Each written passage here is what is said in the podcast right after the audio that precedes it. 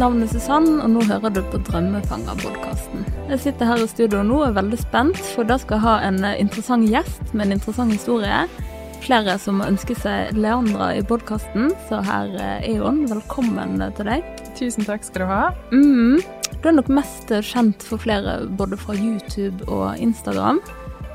Og grunnen til at du er her, det er jo at du i begynnelsen av januar delte en video som forteller om din historie med avhengighet. Ja. Du hadde jo kanskje delt litt i dryppet på sosiale medier tidligere, da, men nå gikk du virkelig i dybden. Stemmer. Og det har fått massiv respons. Så eh, ja, tusen takk for at eh, du ville komme og fortelle her. Det er veldig hyggelig å være her. Spennende. Ja. Ja, det er første gang du er i podkast, sant? Det er det. Mm. Ja, ja, det var første gang for alt. Ja. Første lov er på en måte hvorfor valgte du å dele den historien i dybden sånn eh, akkurat nå? Akkurat nå, ja. Jeg eh, Fra jeg ble rusfri og merket at jeg klarte å holde meg rusfri over en periode, så eh, eh, vokste det et brennende ønske om å, å, å, dele min erfaring med avhengighet og hvordan jeg kom meg ut av det.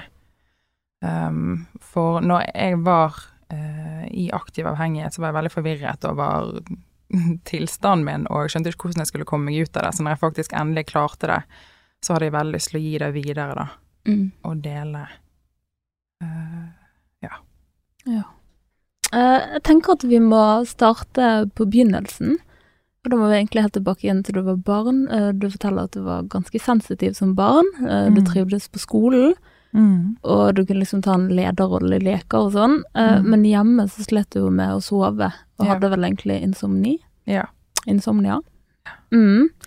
Og så kom vi jo videre til ungdomstiden, der du lett kunne kanskje få opphenge på ting. Mm. Var det Hunger Games, blant annet? Ja. ja.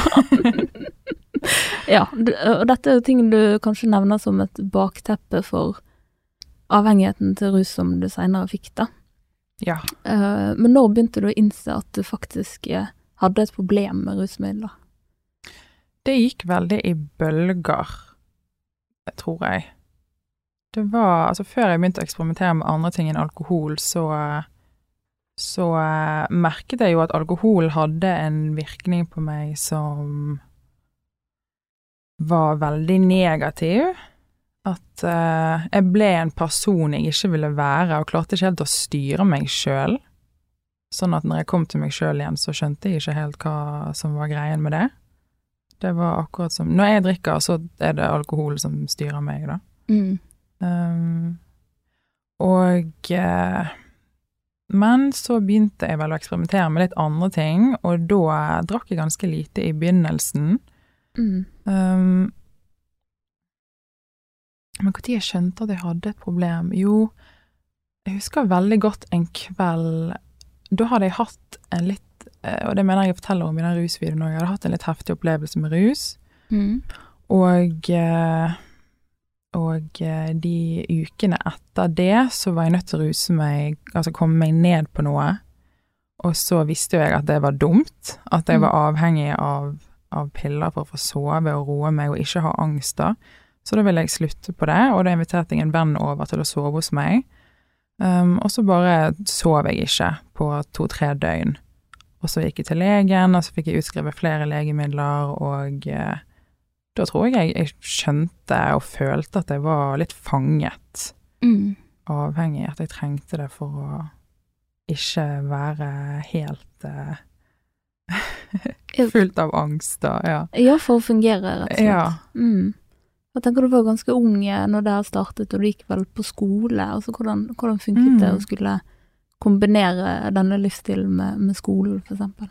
Mm.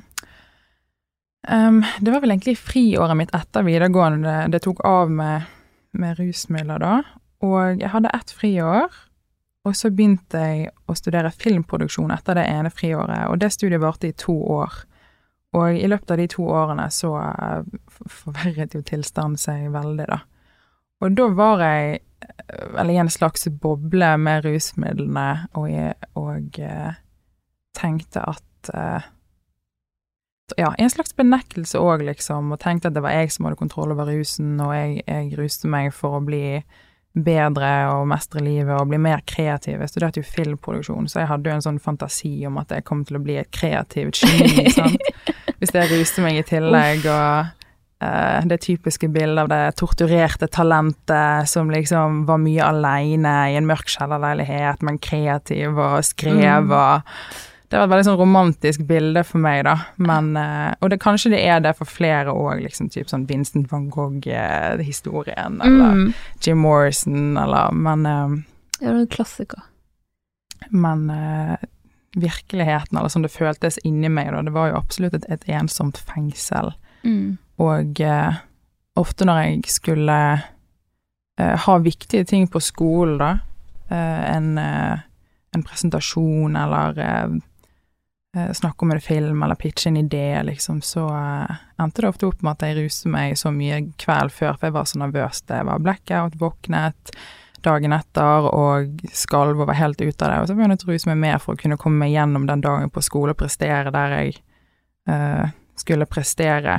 Mm. Og det var en veldig vond sirkel, for det at ja, da mestret jeg skolen, men jeg følte ikke at det var jeg som mestret skolen, men at det var rusen som gjorde det for meg. Mm. Og så fikk jeg gjerne komplimenter på ting som jeg hadde klart å gjøre bra og sånn, men jeg eh, ikke bare ikke klarte jeg å ta det til meg, jeg ble faktisk direkte forbanna på meg sjøl, liksom, og kunne få sinneutbrudd fordi at jeg var så oppgitt over at eh, jeg måtte ruse meg for å gjøre de tingene på skolen, da. Mm.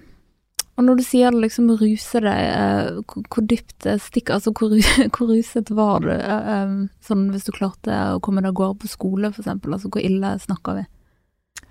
Jeg husker litt dårlig akkurat de tingene. Mm. Og så hadde jeg også fullstendig misforstått halveringstid Ja. på, på legemidler, så jeg trodde at rusen var ute av kroppen my, altså mye lengre før han egentlig var ute av kroppen. Mm. Så jeg kunne gjerne eh, ta en del angstdempende piller, og så sterke, sterke angstdempende, før jeg la meg. Og så våkne opp og tenke at eh, at, eh, at jeg var eh, edru eller rusfri, holdt jeg på å si, men det stemte jo ikke i det hele tatt. Jeg var jo fremdeles påvirket. Mm. Um, ja, så jeg måtte holde det gående. Det var liksom I noen perioder så hadde jeg liksom alltid et par piller innabords, holdt jeg på å si.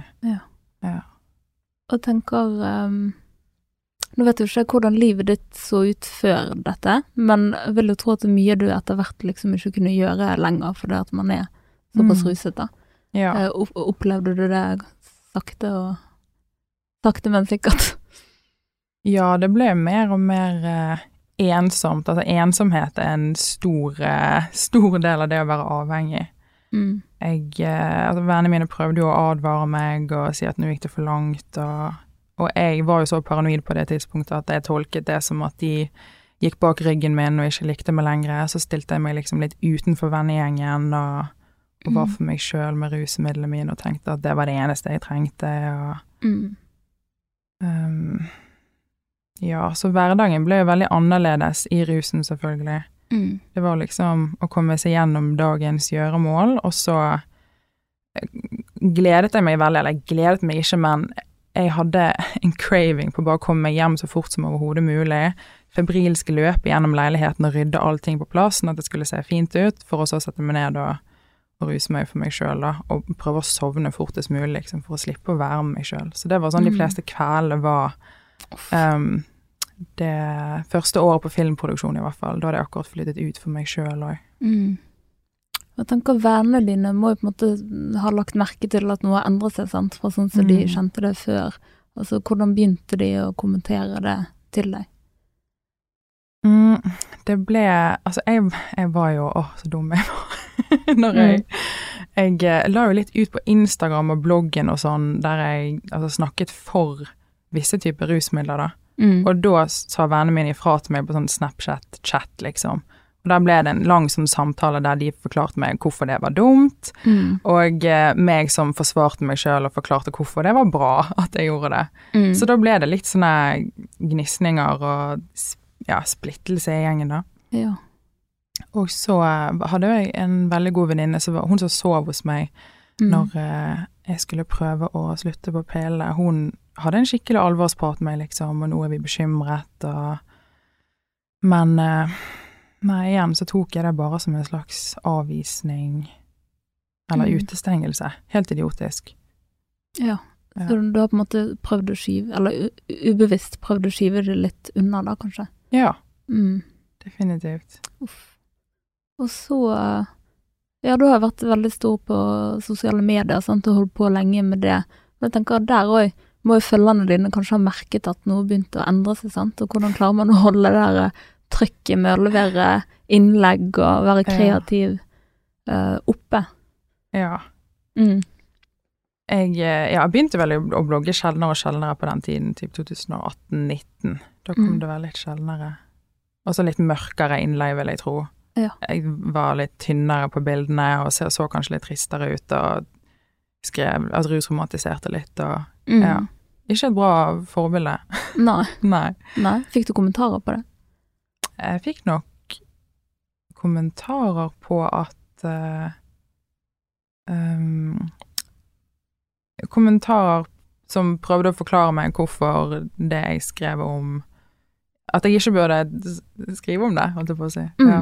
Og da, da romantiserte du eksempel angstdempere og Nei, det gjorde jeg Eh, ikke. Nei, ok. Det, jeg, visste at, jeg visste at det liksom var avhengighetsskapende og dumt, og det, det snakket jeg ikke noe særlig om. Det var mer sånn psykedeliker og, og hasj og sopp og LSD og sånn. Ja. Det fremmet jeg veldig, og tenkte at det, at det ikke var rus engang, liksom. Mm. Og for noen så kan det godt være at det er helt greit å bruke innimellom, men for en rusavhengig som meg, så er all rus rus, liksom, og Ja. Jeg vil òg ta opp det her med at de fleste av oss tenker jo, eller man ser folk som har et rusproblem, da, eller er narkoman for eksempel, at eh, sant? man føler medfølelse, men så tenker du det kunne aldri skjedd mm. meg, sant. Jeg skulle Mm. fint kunne gjort både det ene og det andre uten at, uten Ja. at det skulle havnet der, og det tror jeg de fleste tenker, sant. Ja, Og du har jo sikkert tenkt det på et tidspunkt, absolutt. og så plutselig sitter man der. Ja. Eh, Hvordan var det når du innså det? Eh, Jeg tenker at det er jo litt sånn epiphany, nesten. Ja, eh, det var veldig merkelig. Um, hva var det du spurte om da, når jeg innså det? Ja, når du på en måte innså at man er ikke immun mot, eh, mot de tingene, sant. Man, Mm. man ser på andre og tenker at det kunne aldri skjedd meg. Men så kunne det, viser det seg, sant. Ja, jeg tror kanskje epiphany er et bra ord, ja, for jeg husker Mm. det som en veldig sånn wow, ok. Alt jeg har eh, trodd om mitt forhold til rus er feil. Mm. Og måten jeg har snakket om rus på, og de tankene jeg har hatt om at ah, nei, jeg blir ikke avhengig, jeg kan ruse meg til jeg vil, ah, det er ikke så farlig, bagatellisert og disse tingene, det er det som er en del av den mentale sykdommen, da. Mm. At det rettferdiggjør for meg sjøl hvorfor jeg kan bruke, og eh, at, ja, at jeg kan bruke rekreasjonelt, da. Ja. Altså, jeg tror ikke vanlige folk går rundt og har disse tankene hver dag, liksom, at eh, ah, jeg kan jo bruke rusmidler og kose meg med det hvis jeg vil, og det kommer til å gjøre livet mitt bra, liksom. Mm. Så når jeg tenker tilbake på det, så ser jeg at eh, det var jo en del av sykdommen, det. Mm. De tankene var en del av sykdommen. Ja, og det er bra at du sier at det er en sykdom, for det er jo Mm. faktisk det det er. Um, og du beskriver det, eller det blir vel også beskrevet i lærebøker sånn som altså en ruspersonlighet Ja. Man krangler med. Ja, Den andre stemmen. Eh, hvordan hørtes din eh, stemme ut? Min ruspersonlighet Mm. um, Min ruspersonlighet begynte jo gjerne med bagatelliseringen, sånn som jeg fortalte om det. Mm. Og um, ruspersonligheten min er fortsatt med meg i dag, og den har Altså når jeg skulle bli rusfri, da, så var det mye Da sa ruspersonligheten mye det at jeg kunne ikke være rusavhengig, fordi at jeg var for ung til å være rusavhengig. Jeg kommer jo til å klare å, å drikke sånn som vennene mine kan, og det er jo bare til å ta seg et glass, eller hvis du tar deg en, en spliff nå, så eh, gjør jo ikke det noe, nei, nei, nei. Og prøvde å overtale meg til å gå tilbake til å bruke, da. Mm. Det er ruspersonligheten min. Det skal vi snakke mer om senere, for det, det blir en del av Da er vel du alle, allerede begynt tilfriskningen, sant, og så har man lyst til å Mm. ta steg tilbake. Det er veldig nysgjerrig på. eh, Ja. For da vet man jo at man har mye å tape. Men eh, vi skal vente litt med å gå der. Ja. Men jeg lurer også på når ting liksom var på sitt aller verste, aller mørkeste mørke. Hvordan så Mm. en typisk dag ut? Hvis du kan ta oss igjennom en typisk dag. Den er ikke veldig innholdsrik. Den, eh, den innebærer at jeg ligger i sengen og ser inn i veggen Mm. uh, i flere timer, Og når jeg kjenner at jeg blir litt mer bevisst, eller at jeg begynner å føle litt smerte, så ruser jeg meg mer, legger meg ned i sengen og stirrer inn i veggen. Mm. Og sånn kunne det gå i noen dager. Ja. Ja. Og da er det de, sant, når, rusen forlater kroppen, de følelsene som på en måte begynner å boble opp, er det de som er Mm. så uhåndterlige, da? At du på en måte bare må få de vekk med en gang? Ja. Mm. Det var jo absolutt noe jeg eh, Følelser jeg prøvde å ruse vekk i begynnelsen, men når jeg eh, ruste meg så mye som jeg gjorde etter hvert, sånn, så var ikke det bare de gamle følelsene som kom tilbake, de var jo fordoblet eller ganget med 100 på en måte på grunn av Mm. abstinensene, da. Ja. Ja. Ja. Uff. Det, det er så trist. Ja. Ai, ai, ai. ja, det er en vond, eh, det er en ekkel sykdom. Det er det. Ja. Jeg må nesten spørre òg om eh, sant? Vil jo tro at man kanskje føler en del- del på skam etter hvert, Mm. og at man lett kan bli paranoid, og Ja. hadde du mye sånne type følelser? Ja. Eh, skammen tror jeg at jeg på den tiden undertrykte veldig mye, og la på meg en maske av at, at jeg var kul fordi at jeg ruste meg. Mm. så følte jeg meg ikke så kul på innsiden, men jeg var ikke i kontakt med de følelsene når jeg var ruset da. Mm. Men paranoid, det, ja, det begynte jo ganske tidlig, og det som er så merkelig med å være paranoid, er at jeg, jeg har ikke peiling på at jeg er paranoid når jeg er det. Nei. Så når jeg liksom begynte å spekulere om vennene mine var imot meg og sånn, så var jo det paranoien som begynte. De var jo ikke litt imot meg i det hele tatt, de prøvde å hjelpe meg. Ja. Og så etter hvert ble det litt eklere med den paranoien at uh, altså jeg følte at bildene på veggen var ute etter meg og sånne, ja. sånne ting. Rett og slett vrangforestillinger. Uh, Ja. Ja. Det er merkelig å snakke om det på den måten for på den tiden føltes det 100 realistisk. Paranoid, liksom. Det høres alvorlig ut, men det var Ja. jo det jeg var. Ja. ja. Og da tenker jeg, hvis det, dine venner på en måte ikke ruste seg, da, blir det Mm. sånn at man da tar an- avstand fra de da, og prøver å være med andre som òg ruser seg, kanskje? For da er det akseptert? Ja, jeg hadde et par venner som jeg kunne ruse meg med, men for det meste så likte jeg å ruse meg aleine. Mm. Merket det at når, når rusen traff kroppen, liksom, så ville jeg ikke snakke med noen eller være med noen, jeg ville bare være aleine. Mm. Ja. Men Hvordan påvirket dette forholdet og relasjonene du hadde rundt deg? Um, jeg, jeg fikk veldig Altså, jeg, det var veldig få personer som var rundt meg på den tiden. Mm. Jeg hadde vel to mennesker i, i livet mitt som, som på en måte De ble veldig medavhengige, da, og, og prøvde å, å hjelpe meg, og Men hjalp meg kanskje på litt feile måter. Sant? Jeg Mm. fikk billig sted å bo, jeg fikk ofte mat. Fikk ofte rusmidler fordi at jeg var så syk, og de så at jeg var så syk, at det så ut som jeg trengte det. Mm. Så de forholdene jeg hadde på den tiden, var jo selvfølgelig veldig, veldig usunne og, og skadelig for de jeg kjente. Um, Ja. ja. Og de ja, gjerne bekymret seg for meg, og jeg ble jo også mye, mye sintere Mm. når jeg var i rusen. Ja. Og altså, ikke i det hele tatt et takknemlig menneske som, Ja. som satte pris på ting. Altså, jeg, ja, jeg så mørkt, og jeg så negativt, og, og følelsene tok over, og jeg kunne få sinneutbrudd, og ble, ble veldig irritabel, liksom. Mm. Så det, det var ikke kjekt for verken meg eller de Ja. få personer som var rundt meg på den tiden, da. ja. Hvordan merket du altså, deres eh, bekymring for deg? Mm.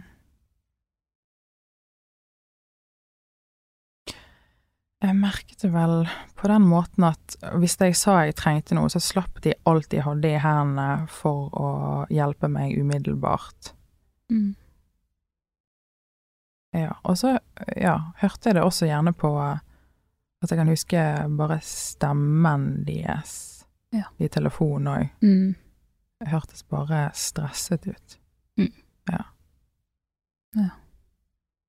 Um, er man noen Altså, jeg så egentlig du skrev litt om det, altså, eller nevnte det. Men om man noen gang i prosessen altså, er man redd for livet sitt, mm, og tenker at hvis man fortsetter sånn, så blir det kanskje ikke så langt. Jeg tror ikke jeg, jeg tenkte noe særlig på det, fordi at jeg ga litt faen i det når jeg ruste meg, tror jeg. Da jeg var veldig, veldig likegyldig til ting. Så om jeg Mm. levde eller døde, det var liksom ikke. Det brydde meg ikke noe særlig. Jeg, jeg, jeg så ikke hvorfor det skulle bety noe. Mm. Men jeg husker jo når jeg fikk den, eh, den eh, åpenbaringen om at wow, jeg kommer sikkert til å dø veldig ung hvis jeg fortsetter. Det var liksom som et slag i magen. Det var ikke noe en frykt jeg gikk og kjente på til vanlig, men Mm. ja, et slag jeg fikk i magen, eh, egentlig. Hvordan vil du si at eh, personligheten din endret seg mest fra sånn som du var før du begynte å ruse deg? Jeg ble mye mer alvorlig. Altså, Mm. Før jeg ruste meg, var jeg veldig tullete Mm. Og ja, useriøs. Men når jeg begynte å ruse meg, så var det veldig lite humor. Mm. Uh, ja, livet ble liksom veldig alvorlig. Ja. Og stressende. Ja. Jeg var veldig det var, Jeg husker altså, bilder jeg ser av meg på den tiden. Jeg har alltid liksom rynket panne, holdt jeg på å si. Det var, det var alltid hever i øyenbryn, eller Mm. rynker, eh, rynker brynet, da. Ja. ja. ja, du så rett og slett sånn. alvorlig ut. ja, alvorlig og bekymret. Ja. Mm. Uff. Men du var jo sikkert veldig bekymret. Ja, og det Ja. var en alvorlig situasjon òg. Det var det. ja. Uff. Jesus. Uh, jeg tenkte også litt på dette med selvbildet. sant? Uh, Kanskje hvis du først forklarer litt om hvordan selvbildet ditt hva det var bygget på før du begynte å russe deg. Ja, hva selvbildet mitt var bygget på før jeg begynte å ruse meg? Jeg tror eh, at vennene mine betydde veldig, veldig mye for meg. Mm. Og at den rollen jeg hadde i vennegjengen, ga meg verdi, da. Mm. Så når jeg eh, ikke hadde så mange rundt meg lenger, når jeg ikke hadde venner rundt meg lenger, så, eh, så tror jeg jeg mistet den, den følelsen av at, av at jeg var viktig, at jeg var en del av noe. Ja. Ja. Og gi sånne følelser kanskje grunn til å da ville ruse seg enda mer, fordi man da ikke føler seg like mye verdt lenger, og, og da kan det være det samme, liksom. Ja, akkurat det. Mm. Ja. Ofte det vondt. Vondt det Ja. der. Ai, ai, ai. Og mm, sant um, Det blir kanskje litt sånn generaliserende, men i og med at du var såpass aktiv på sosiale medier, sant, og det handler jo ofte om å vise høydepunktene fra livet, det som er kult, det som er fett, det som er Mm. fint å se på, sant. Eh, følte du på en måte at du ikke klarte å levere det du ville, eller det du tidligere hadde gjort, eh, på grunn av at situasjonen var sånn som den var, da? Jeg tror rett og slett Jeg tror ikke at jeg tenkte det bevisst, liksom, at nå klarer jeg ikke å levere som før. Det på en måte bare Det på en måte bare ble sånn. At rusen ble viktigere og viktigere. Og at jeg liksom glemte litt alt annet. Ja. Men uh, dette er jo ikke en uh, Holdt jeg på å si en, Det er jo ikke en trist slutt på det her. Det, det er jo litt, litt mer solskinnshistorie. Uh, Ja. Og jeg vet at uh, Eller jeg tror at uh, når du møtte en annen rusavhengig, at det var da kanskje ting Det var et vendepunkt. Ja. Ting begynte å endre seg. Har du lyst til å forklare noe om det møtet? Ja, jeg På slutten, eller egentlig ganske lenge, så prøvde jeg å finne forskjellige måter å bli rusfri på, da. Mm. Um, og um, ja, jeg gikk ut til legen og psykologer og, og avdeling for rusmedisin og masse forskjellig helsepersonell og prøvde alternative ting. Og en dag så havnet jeg hos en akupunktør, da. Og det var ikke selve akupunkturen som reddet meg, men det var det faktum at han var rusavhengig, og at han hadde vært rusfri i veldig mange år. Og han kunne veldig mye om sykdom og avhengighet. Og han eh, stilte meg et par spørsmål, sånn vanlige spørsmål man går gjennom før man skal ha en akupunkturtime, og da skjønte han rett og slett bare at jeg var sånn som han, da. Mm. Og han var veldig direkte, og eh, holdt ikke tilbake på noe, Mm. noe som helst. Så han, eh, ja, skremte livet av meg, egentlig. Ja. Og jeg innså det at shit, jeg faktisk syk? Ja. Har jeg vært syk denne tiden? Ja. For du hadde ikke tenkt helt de banene på det før? Nei, ikke at, nei. At, Mm. ikke at jeg var en uh, rusavhengig sånn Eller jeg visste at jeg var avhengig av rus, men altså, å få det sykdomsbegrepet, da, det var liksom ja, OK, da må jeg jobbe derfra, da. Ja. Og, eh, og eh, han introduserte meg for andre rusfrie rusavhengige, og han introduserte meg for et tolvtrinnsprogram. Mm. Og eh, på grunn av det møtet med han, og møtet med, med tolvtrinnsprogrammet og andre rusfrie rusavhengige, så fikk jeg veldig håp Mm. Klamret meg fast til det, Mm. og så at det faktisk gikk an. Disse menneskene var som meg, og de hadde klart å komme seg ut av det, og de syntes de hadde veldig gode liv. Jeg så opp til dem, på en måte. Ja. Og eh, da gjorde jeg egentlig bare alt de sa. Jeg ble veldig villig til å ta imot hjelp. Ja. Så alle anbefalinger jeg fikk av de som har gått veien før meg, de eh, slukte jeg. Da må det ha skjedd noe. Du må jo på en måte hm, Du må jo på en måte ha vært klar for det på det tidspunktet det her skjedde. Ja. I og med at du hoppet såpass inn i det. Ja. Jeg tror jeg hadde vært klar veldig lenge. Jeg bare hadde ikke funnet løsningen som passet for meg ennå. Hvordan han eh, introduserte, så, så var du med. Ja. Hvordan var var- den eh, prosessen, da? Da startet du på ny, en ny epoke, på en måte. Ja. Det var mye vanskeligere enn jeg trodde. Jeg trodde ikke jeg var så rusavhengig. Jeg hadde en, eh, jeg hadde en visjon om at ok, hvis jeg så var edru og rusfri to, tre, fire dager, Mm. da er jeg sikkert up and running igjen, liksom. Da er jeg sikkert helt normal, da er jeg fri fra avhengigheten, og da kan jeg sikkert ruse meg gjennom en måned, kanskje. To uker, eller noe sånt. Ja. Um, men det var jo ikke Det er jo ikke sånn det fungerer. Jeg, jeg hadde jo Eller jeg har undertrykt følelsene mine over så lang tid. Og eh, sånn, bare det med å røyke hasj òg, liksom, er jo å undertrykke følelser. Mm. Um, så når jeg fikk fjernet alle disse rusmidlene, da kom alle følelsene til overflaten veldig, veldig sterkt. Ja. Så det var veldig vanskelig. Jeg hadde veldig mye rustanker. altså Ruspersonligheten min var 95 av det som skjedde i hodet, liksom. Mm. At, eh, ja, at jeg, jeg var nødt til å gå og ruse meg og Men jeg klarte å holde meg rusfri, da. Men det var ja, veldig, veldig vanskelig. Ja. Hvilke type verktøy eksempel kan man få for å takle de eh, ja, abstinensene og tankene som kommer? Jeg eh, ble anbefalt å at hver gang jeg fikk lyst til å ta et rusmiddel, så skulle jeg heller plukke opp telefonen Mm. og ringe til en annen rusavhengig som var rusfri. Og etter jeg hadde hatt den samtalen, da eh, lettet det veldig. Mm. Så erstatningen ble en telefonsamtale, liksom. Ja. Men i begynnelsen følte jeg også veldig veldig mye motstand mot å ringe. Liksom, hva skulle jeg si? Her ligger jeg og skjelver og griner, og jeg vet ikke hvorfor jeg føler meg sånn som jeg gjør, og Nei. hva faen skal jeg si, liksom? Ja. Men eh, pappa kjente faktisk han, eh, han rusavhengige jeg traff, så han pleide ofte å bare ringe til han for meg og gi meg telefonen, ja. og så bare hørte jeg at han snakket til meg Mm. uh, i noen minutter og forklarte meg om sykdommen, forklarte hva som skjer i hodet mitt akkurat nå, og dette er smerte, og dette vokser du i, og nå er det Mm. bra at du ringer meg, så det kommer til å gå over, og så gikk det liksom over for en liten stund, og så la jeg meg rusfri den kvelden, og så var det på den samme greia dagen etter, ja. ganske lenge. ja. Jeg vet at Mm. du, du takker for hver dag du er rusfri. Ja, Mm. Gjør du det fortsatt? ja, Ja. det gjør jeg. Ja. Du har fått en slags sånn um, Altså takknemligheten som du snakket om ikke var helt til stede før Ja, den har kommet tilbake i full eh, vekt. den måtte jeg tvinge tilbake, altså. Mm. Eh, De sier det at en, eh, en takknemlig rusavhengig eller en takknemlig alkoholiker drikker ikke, Mm. eller ruser seg ikke. Mm. Så takknemlighet er veldig motgiften, da. Men du vil du allikevel tro at det, eh, altså at det holdt på å si, eksisterer et stort tomrom fordi at den rusen har fyl, fylt så mye av livet ditt, Mm. sant? Hva erstatter man det? Sant? For jeg tenker en telefonsamtale, men det må jo være Mm. noe mer kanskje som du tetter det hullet med, da. Ja, jeg tetter Altså, det hullet, det vil jeg si er et åndelig tomrom. Mm. Jeg har et åndelig tomrom i meg, Mm. Og det kunne jeg fylle med rus, Mm. men det tomrommet ble bare større av rusen, så det er jeg nødt til å fylle det tomrommet med i dag. Det er noe som er like sterkt, og kanskje til og med sterkere enn rusen, da. Og for meg har det blitt eh, rett og slett åndelighet og, og Gud. Ja.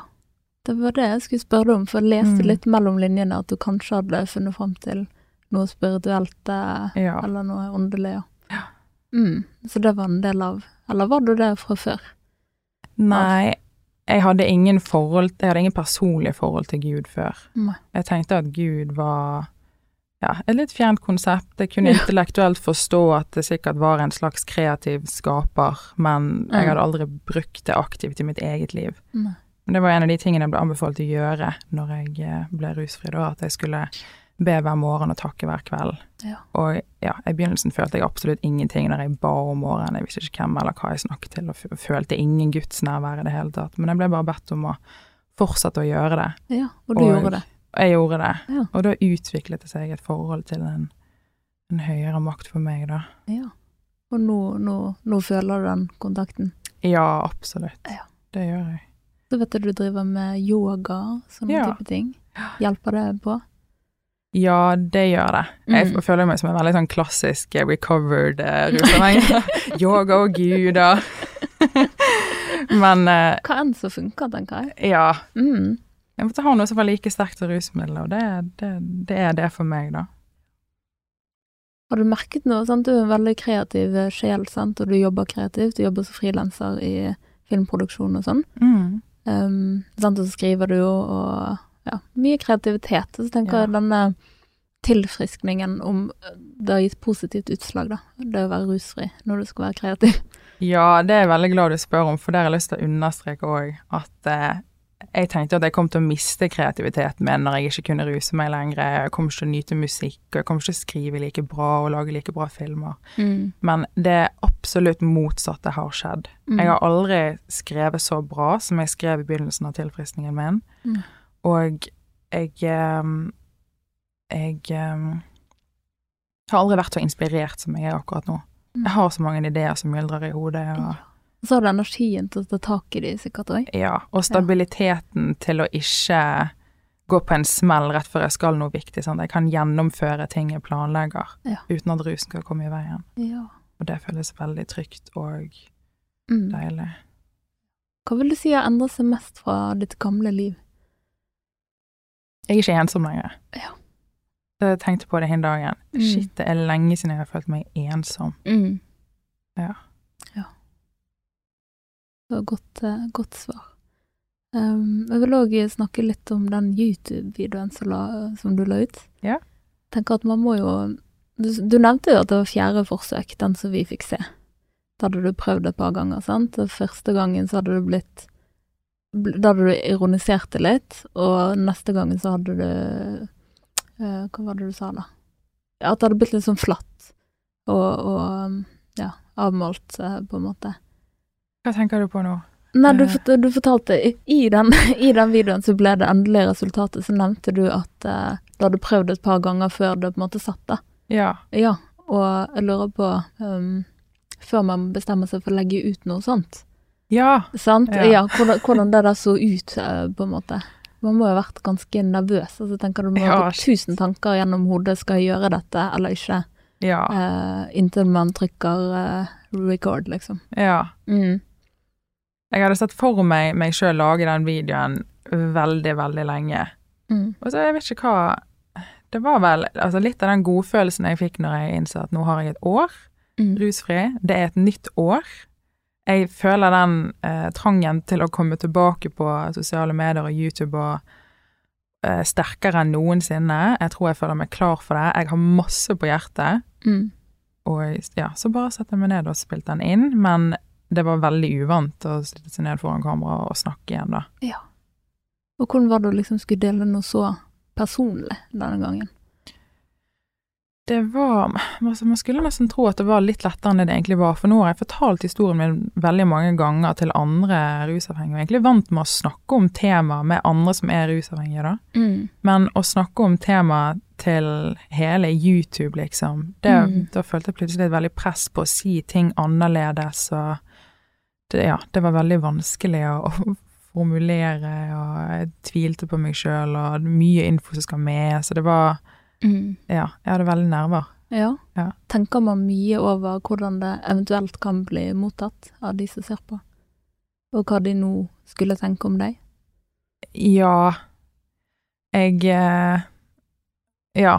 Etter jeg hadde, eller Før jeg postet videoen, og etter jeg postet videoen, så har jeg drevet og satt meg inn i hodene til andre mennesker og forestilt seg hva de tenker om meg når de ser videoen, og Mm. Men eh, det er litt bortkastet energi å holde på sånn, så Ja. lenge jeg vet at hva intensjonene mine bak å lage den videoen er, Mm. og, eh, og at jeg kan hjelpe noen, noe jeg tror at jeg kan, så er det Mhm. på en måte verdt det. Ja.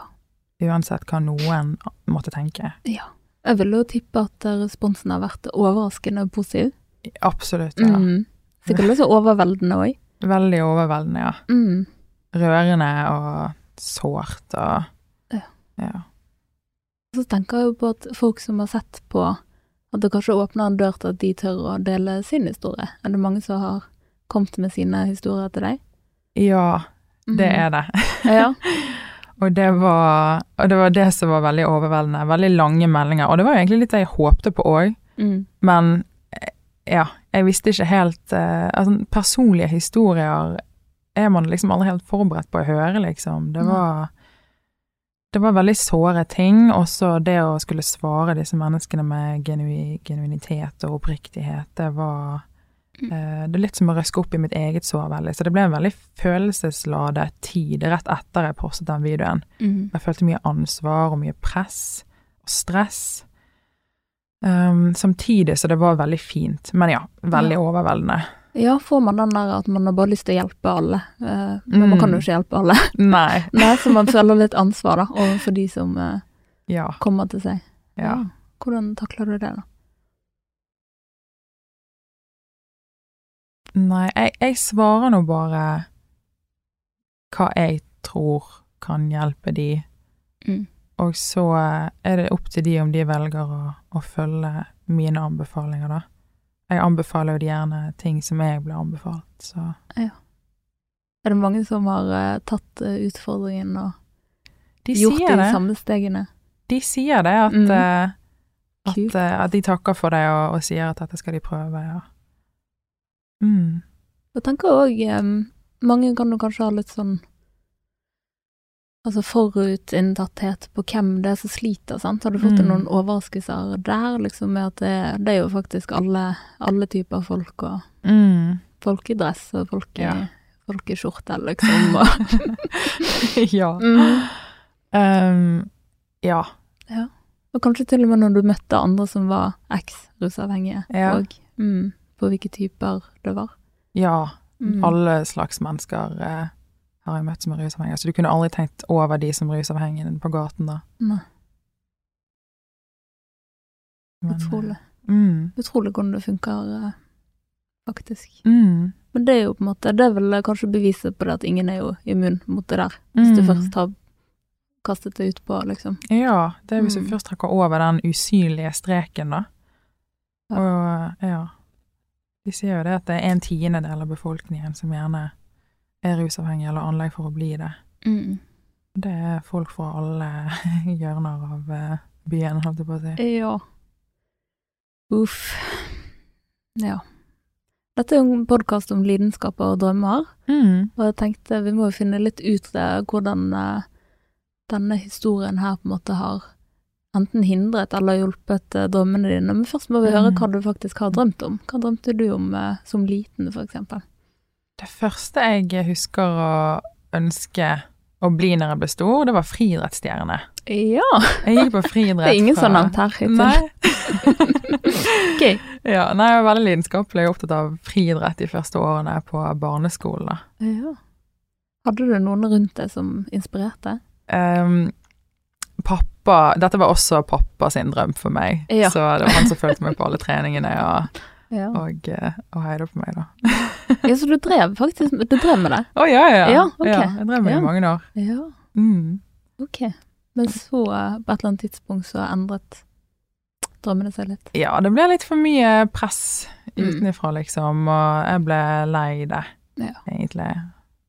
Så jeg fant meg ikke helt til rette der med venner og sånn, liksom, så det ble Mm. utskiftet. Mm. Så nei, egentlig fra jeg var 11-12, da, så har jo drømmen vært å bli regissør. Ja. Og det er jo det fremdeles i dag, da. ja. Så eh, Eller å jobbe, å jobbe innenfor uh, TV og film og underholdning. Ja. Og i dag har jeg uh, en visjon om å være med og påvirke Underholdnings-Norge Ja. i en positiv retning. ja. Hva ønsker du å bringe til bordet? Um, ja, hva ønsker jeg å bringe til bordet? Nei, mer kunst og kultur, egentlig. Hva- som Ja. kommer ut med eh, kortfilmer og musikkvideoer med budskap som jeg brenner for, og, Mm. og Ja, og så gjøre det gjennom YouTube òg, med, sånn som med rusavhengighetsvideoen, og ta opp andre viktige temaer Ja. på YouTube. Og i tillegg lage både fiksjon og, og litt mer sånn useriøse og morsomme ting, liksom. Gøy. Ja. Og når man ser på sant, det du studerte, og uh, YouTube-karrieren din, og sånn, så er dette noe du har jobbet mot Ja. lenge. Så når rusen kom inn i bildet, hvordan satt den en stopper for drømmene dine? Um, nei, det var litt sånn som jeg snakket om i sted, med den gjennomføringsevnen, da. Mm. Og eh, jeg husker at jeg, når jeg gikk på filmproduksjon, så, var det, så sa jeg gjerne ja til å bli med på forskjellige prosjekter og for, forskjellige filmsett. Mm. Og så ble det bare for overveldende av den mentale helsen min var så dårlig Mm. at jeg rett og slett bare måtte avlyse sånn i siste minutt. Og, Ja. Så da fikk jeg jo ikke uh, fullt utbytte av potensialet mitt. Var rusen stjal det. Mm. Mm. Og gjorde det at du var i ferd med å gi opp på noe tidspunkt? Ja, jeg har definitivt lagt liksom drømmene mine på hyllen og bare Mm. drete litt i det. Jeg får takke Dere sier jo gå på selvtillit og sånne ting òg, og man lurer på om man kan få det til, sant, og man Ja. er flink og Ja. sånne ting. Mm. Mm. Ja, når, når rusen var inne i bildet, så øh, Ja. Det er klart at jeg tvilte på meg sjøl da, Mm. og følte at jeg feilet ofte, og skuffet meg sjøl. Men i dag når jeg er rusfri, så har jeg en veldig sånn Jeg har en veldig tro på meg sjøl, da, Ja. og tror at det jeg har å komme med, kan være av verdi, og ja. Og du er jo en eh, dyktig skribent òg, og du, du skriver og tenker at eh, um, tingene du har vært igjennom, kanskje har gitt deg litt nye ting å skrive om. Ja, Jeg fikk sykt lyst til å lese opp et dikt her nå som du, du har skrevet. det må du veldig gjerne gjøre. skal jeg gjøre det, så skal jeg spørre deg litt om hva du har tenkt etterpå. Ja, veldig kjekt. Ja. Eh, du får si hva dette diktet heter, for det har ikke navnet på her. Men i hvert fall, det starter som det her. Store slurker er vond å svelle, men med vann over hodet kunne jeg ikke lenger velge. Flasken ble tom, men havet renner over. Nå må jeg svømme og holde det jeg lover. Gud, så fint. Takk. Ja. Jeg leser jo mellom linjene her hva det egentlig handler om. Men hva tenkte du når du skrev, skrev det diktet? Hvor var du da? Det var sommeren 2019. Da hadde jeg vel vært rusfri så kanskje sånn to måneder, Mm. noe sånn. Og eh, ja, store slurker er vond å svelle. Mm. Nei, så at det nye livet mitt det, altså, var vondt å svelle, da. Altså litt sånn metafor med slurker og alkohol og, Ja.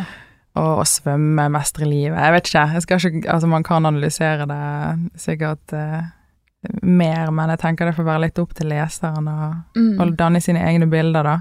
Men eh, ja, det er jo definitivt inspirert av det å bli edru og rusfri, Mm. og vanskelighetene med det, men jeg er jo også veldig Jeg er også Jeg føler at diktet uttrykker en målbevissthet, da. Absolutt. Holde det jeg lover. Ja, nå må jeg lære Nå har du skrevet det. ja. Er det noe terapi å sette ord på følelsene sine på den måten? Ja, på en veldig sånn underlig måte jeg ikke helt klarer å forklare. Ja. Nå har jeg egentlig hatt en litt lang skrivepause, og så skrev jeg faktisk satte meg ned og skrev på et dikt i går. Og det liksom, shit, det var deilig. Ja. Det det, jeg nesten glemt det. Hvor deilig det var å skrive. Ja. Er det Mm. fordi at du leser at du har blitt så flink til å skrive, eller har det alltid vært det? Um, ja, det er et godt spørsmål. Jeg, synes, jeg er jo ikke tidenes lesehest, men jeg er glad i å lese. Mm. Og så tror jeg også det kanskje har hjulpet på at jeg har blogget i så mange år. Mm. Så jeg har jo lenge vært mye flinkere til å uttrykke følelsene mine gjennom tekst i forhold til gjennom språk eller um, det jeg sier. Mm. Så det, det har blitt en uttrykksform som var lettere for meg å bruke enn å snakke. Ja. Mm. Kan det hende at det kommer en eh, diktsamling fra Leandra? Å, jeg har tenkt på det. Ja. Ja, det hadde vært gøy. Mm. Det hadde vært kjempegøy. Ja. Det, det heier jeg på. Takk. Mm. Det, men, men hittil, hvis folk vil lese det, så er det bloggen din eh, Ja. de må besøke. Leandravalencia.com, ja. Hvor lenge har du hatt den bloggen nå? Jeg hadde en annen blogg på blogg.no. Der var det leaduvet.blogg.no. Den hadde Ja. jeg i mange år, men Ja. det navnet er jo krisekleint. Så jeg kjente at, eh, at nå som jeg var blitt litt voksen, så måtte jeg ha en sånn ordentlig domene og bare clean, Ja. liksom. leandrevalencia.com. Ja. Så, eh, men jeg har blogget siden jeg var 11-12, Ja. og denne bloggen her, den opprettet jeg vel rundt den tiden jeg ble rusfri, da. Mm. Som et litt sånn nytt kapittel, kanskje. ja. Ja. ja. Merker du forskjell på de to bloggene, sett bort fra at du har blitt eldre? Er det mer positivitet? Eh, Ja, bloggene er veldig annerledes. Jeg skriver jo veldig sjeldent om hverdagen min lenger. Som før var det veldig mye hverdag, mote, livsstil, matoppskrifter, Mm. den slags. Men nå er jeg litt mer eh, vag, holdt jeg på å si, eller litt mer kunstnerisk, kanskje. Mm. Jeg skal sette det ordet på meg sjøl. Ja. Så nå har jeg eh, altså, kategori, kategorier du kan gå innom som poesi eller film, Ja. foto. Ja. Jeg har liksom delt inn interessene mine eller hobbyene mine Ja. på den bloggen, da. Ja. Men jeg har eh, også tenkt til å begynne å skrive litt mer, eh, ja. litt mer tekster fremover. Gøy. det- Ja, da Mm. får vi gå inn dit og sjekke ut. Ja. Ja. Og så lurte jeg på um, disse her um, eh, filmprosjektene som du jobber på. Mm. Ja, hvordan er det? Ja, det, det er drømmen. Ja. Jeg, jeg elsker å være på filmsett. Ja. Det er helt fantastisk. Det er noe med atmosfæren der som nesten er åndelig for meg, altså. Samarbeidet, liksom. Ja. Veldig glad i å være på filmsett. Jeg husker jeg satt på YouTube da jeg var ja, 12-13 og så sånn behind the scenes eh, Ja. vid, altså behind the scenes-filmer på eh, Ja, jeg så behind the scenes på filmer jeg hadde sett, da. Og det var liksom så sykt drømmen å være der, på Ja. ekte. Og nå kan jeg det, da. I Nå mindre skala, selvfølgelig, men det er veldig gøy. Ingen vet hvor det ender. Men uh, det er jo et slags sånn eh, Hva skal jeg si, da? Ma maskineri, på en måte. Alle har Ja, sin ja. rolle, og alle jobber mot samme mål. Sant? Veldig. Det er dritkult. Det er jeg syns det er heftig. Ja. Ja. Hvilke har du, kan du nevne noe av prosjektene du har jobbet på? Hmm, Nå må jeg tenke. Altså, jeg, jeg har jobbet på uh, Var litt innom uh, Altså, det som kanskje er mest kjent for lytterne, det var litt innom sesong to på Ragnarok, Ja. Netflix-serien. Mhm. Um, jeg, har, ja, jeg har gjerne vært med på litt ting som ikke er ute ennå, da. ja. Også kortfilmer og Kortfilmer er vel ikke så mange som, som ser, holdt jeg på å si. Det er vel litt mer sånn undergrunns, men en del kortfilmer har jeg vært med på. Mm. Og en spillefilm som forhåpentligvis kommer på kino neste år. ja. Ja. Hva skal til for å få lov til å være med på sånne Hvordan jobber man seg opp til det? Jeg gikk jo på filmproduksjon, og det vik- kanskje noe av det viktigste jeg lærte der, var jo nettverket, rett og slett. Ja. Og vi hadde jo prosjekter vi startet der, og så spurte vi gjerne skuespillere og sånn utenifra, eller teaterfolk utenifra om de hadde lyst til å være med i filmene våre, og da blir man litt kjent med folk, sant. Så ja, satte vel gjerne i gang mine egne prosjekter, og liksom huket inn litt folk jeg ville ha med meg på, på mine prosjekter, da. Og så var jeg Mm. også egentlig veldig heldig, for det at samme sommeren jeg gikk ut av filmproduksjon, så havnet jeg tilfeldigvis på en, en spillefilm som jeg jobbet med hele sommeren. Ja. Og der traff jeg veldig mange flinke folk. Tidenes sommerjobb. Ja, tidenes sommerjobb. Ikke den best betalte, men eh, den mest givende for mm. meg, da. Så der har jeg blitt kjent med veldig mange folk som jeg nå har med meg på mine prosjekter, og jeg er med på deres prosjekter. Og vi er liksom et sånn lite, ungt filmmiljø i Bergen som Ja. har store drømmer og bruker hverandre til å, å skape ting. Ja, det var akkurat det jeg skulle spørre om, om, om det er et bra miljø i Bergen for de unge innen film. Ja, jeg, jeg syns det. Mm. Ja, det er ikke det største, men det er kanskje en fordel i det òg. Ja. At man blir kjent. Siste spørsmål, hva er drømmen videre nå? Drømmen videre, ja. Det er Jeg har lyst til å fortsette å lage YouTube-videoer. Så har jeg lyst til å fortsette å lage fiksjon. Lage kortfilmer. Kanskje en serie. Hadde Mhm. vært drømmen å lage. Og så, og så har eh, vi eh, Pappa har et stort hus på Askøy som jeg bodde litt i da jeg var liten. Og drømmen er å overta det huset en dag, Ja. og gjøre et av rommene om til et studio. Ja. Og, og to hunder og to katter og to barn. Og, Ja, og drive med filmproduksjon og, og bo litt sånn ute på landet og ha mitt eget studio og være med på forskjellige prosjekter. Og være frilanser videre, men eh, bygge meg opp i filmbransjen i Norge og komme ut med mine ting. Og, ja. Ja. Det håper jeg du får til. Tusen hjertelig takk som ville komme og dele din eh, historie her. Tusen takk for at du ville ha meg her, det var veldig gøy. Det var veldig kjekt at du kom. Takk. Og til deg som hører på, hvis du følger Drømmefanger eh, videre, så kan du følge oss på Facebook. Der heter vi også Drømmefanger. Tillit! Ha det! Ha det!